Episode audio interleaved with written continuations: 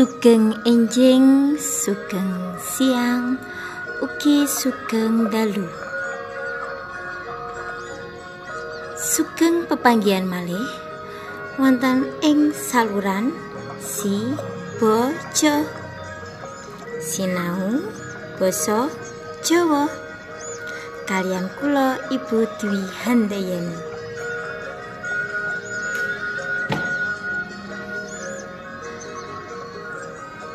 Ing segmen menika kula badhe ngandharaken teks eksposisi.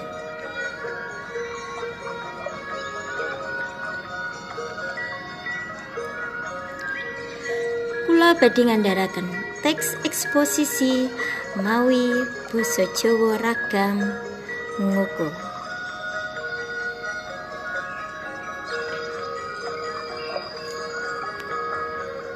Teks eksposisi iku mujudake teks, wacan utawa karangan kang ngemu ancas menehi kabar utawa informasi ngenani sawijining bab saengga sapa wae kang maca utawa ngrungokake bisa tambah jembar pangerteni.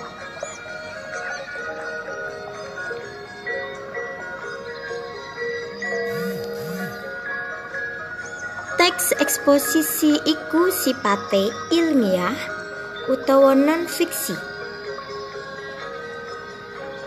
Kanthi duwe kagunan kanggo panaliten, pangalaman lan pandulu utawa pandeleng minangka sumber data.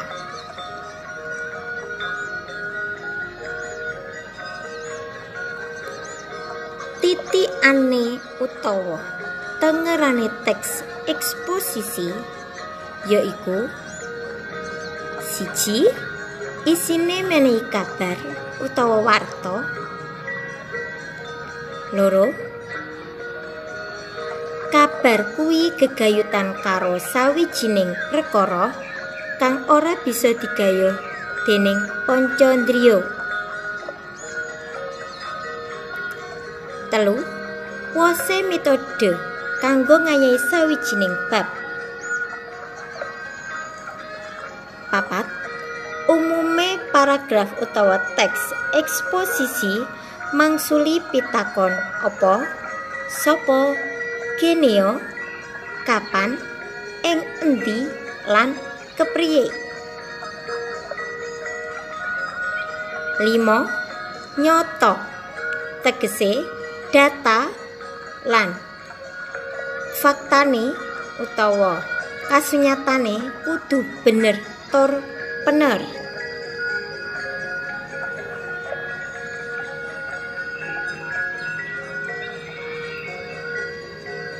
Jinis teks eksposisi iku ana 6. Siji Eksposisi definisi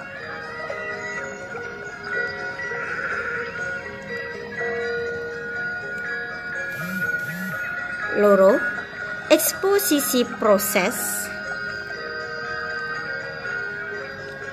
Telu eksposisi klasifikasi.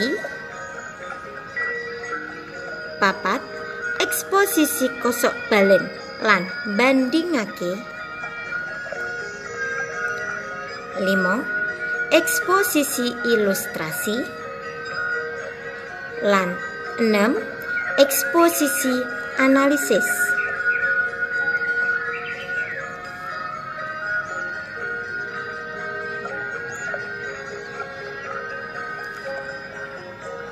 Katerangan saka jenis eksposisi utawa teks eksposisi.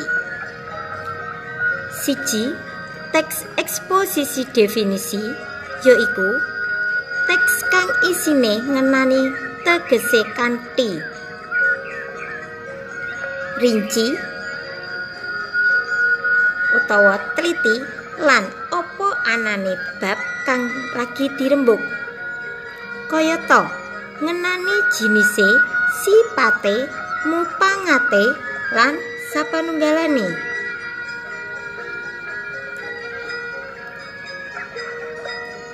Tuladeni Temulawak iku sawijining tanduran obat asli saka Indonesia. Tanduran iki mung bisa urip ing daerah tropis. Temulawak iki ngandhut maneka warna zat yaiku zat tepung, minyak atsiri lan kurkuma. Amarga ngandhut zat-zat mau, mula temulawak mupangat banget kanggo tombo lelara kanker, anemia, ginjal, lan sapanunggalane. Loro, teks eksposisi proses yaiku teks eksposisi kang ngemot proses utawa cak-cakane sawijining kelakon. utawa lelakon. Kayata carane gawe, carane nggunakake samu barang lan liya-liyane.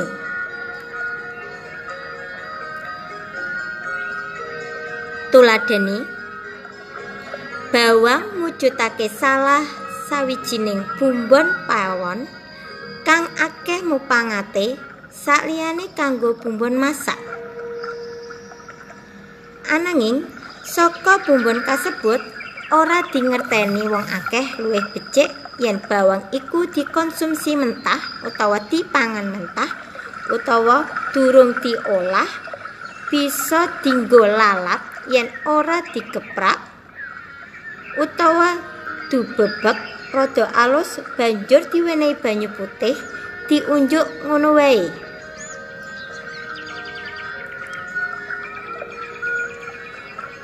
Mupangate saka bawang bisa kanggo tamba watuk, nambah stamina, ngobati flu, ngurangi cacing ing padaran, obat jantung, hipertensi, lan kolesterol.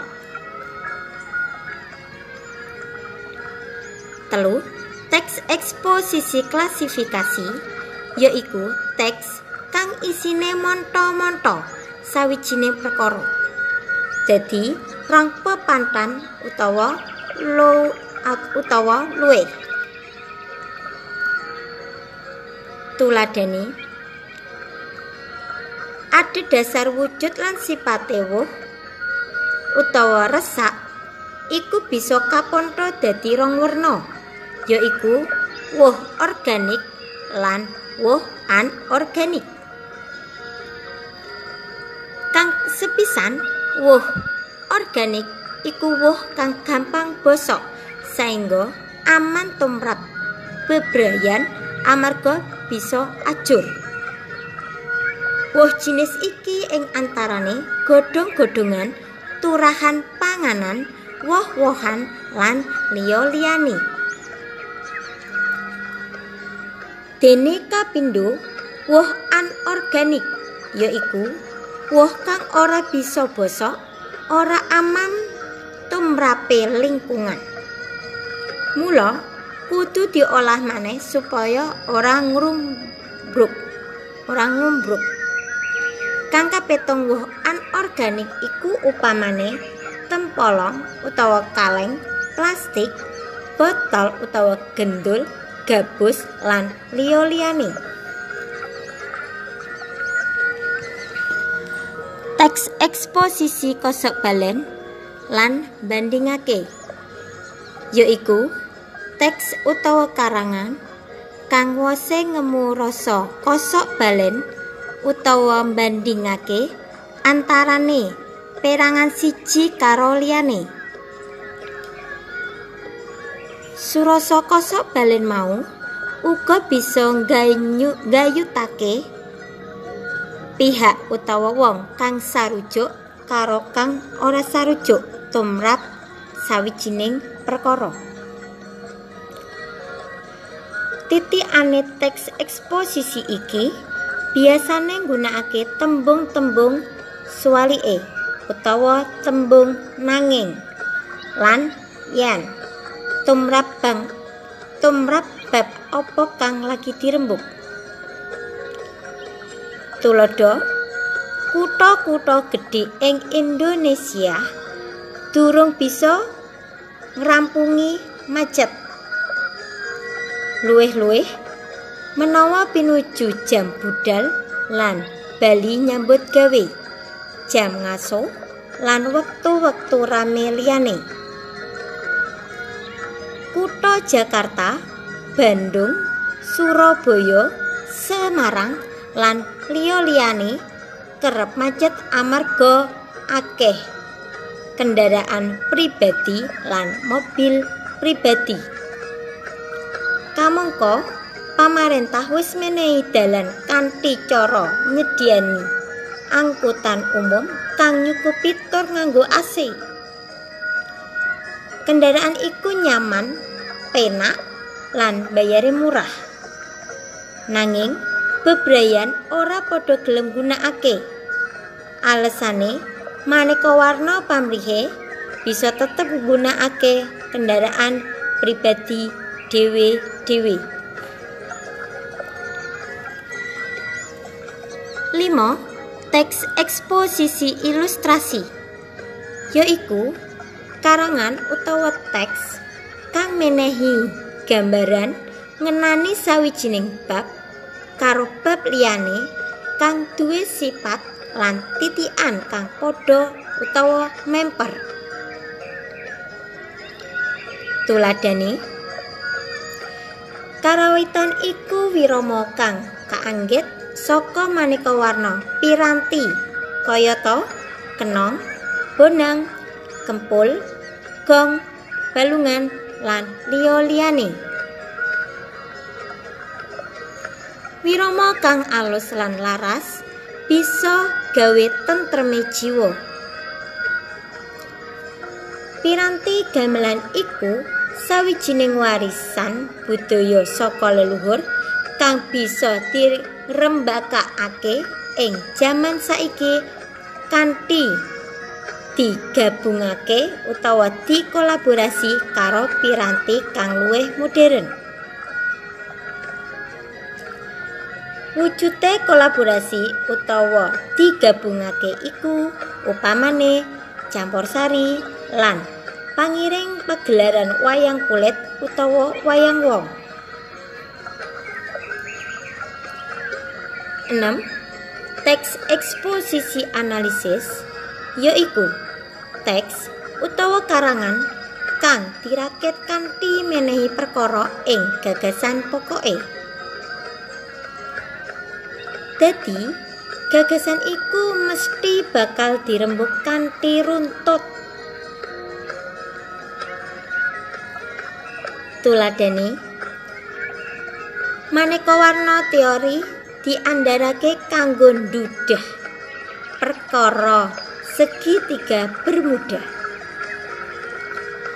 Pangrembuke kanthi cara ilmiah uga cara non ilmiah.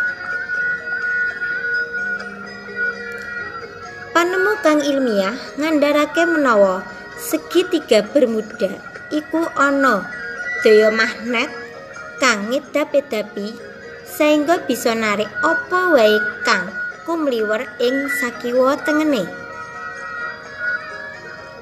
Dene miturut panemu spiritual ya panemu kang ora ilmiah ngandharake menawa segitiga bermuda iku papan kratone alam lelembut utawa bangsa jim mula bisa narik kawigaten.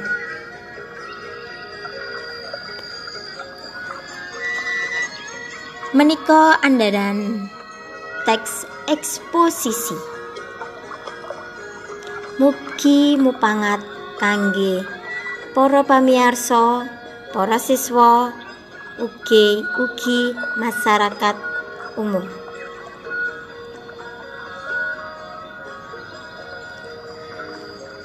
Kula pungkasi. Sugeng enjing. Sugeng siang. Ugi sugeng dalu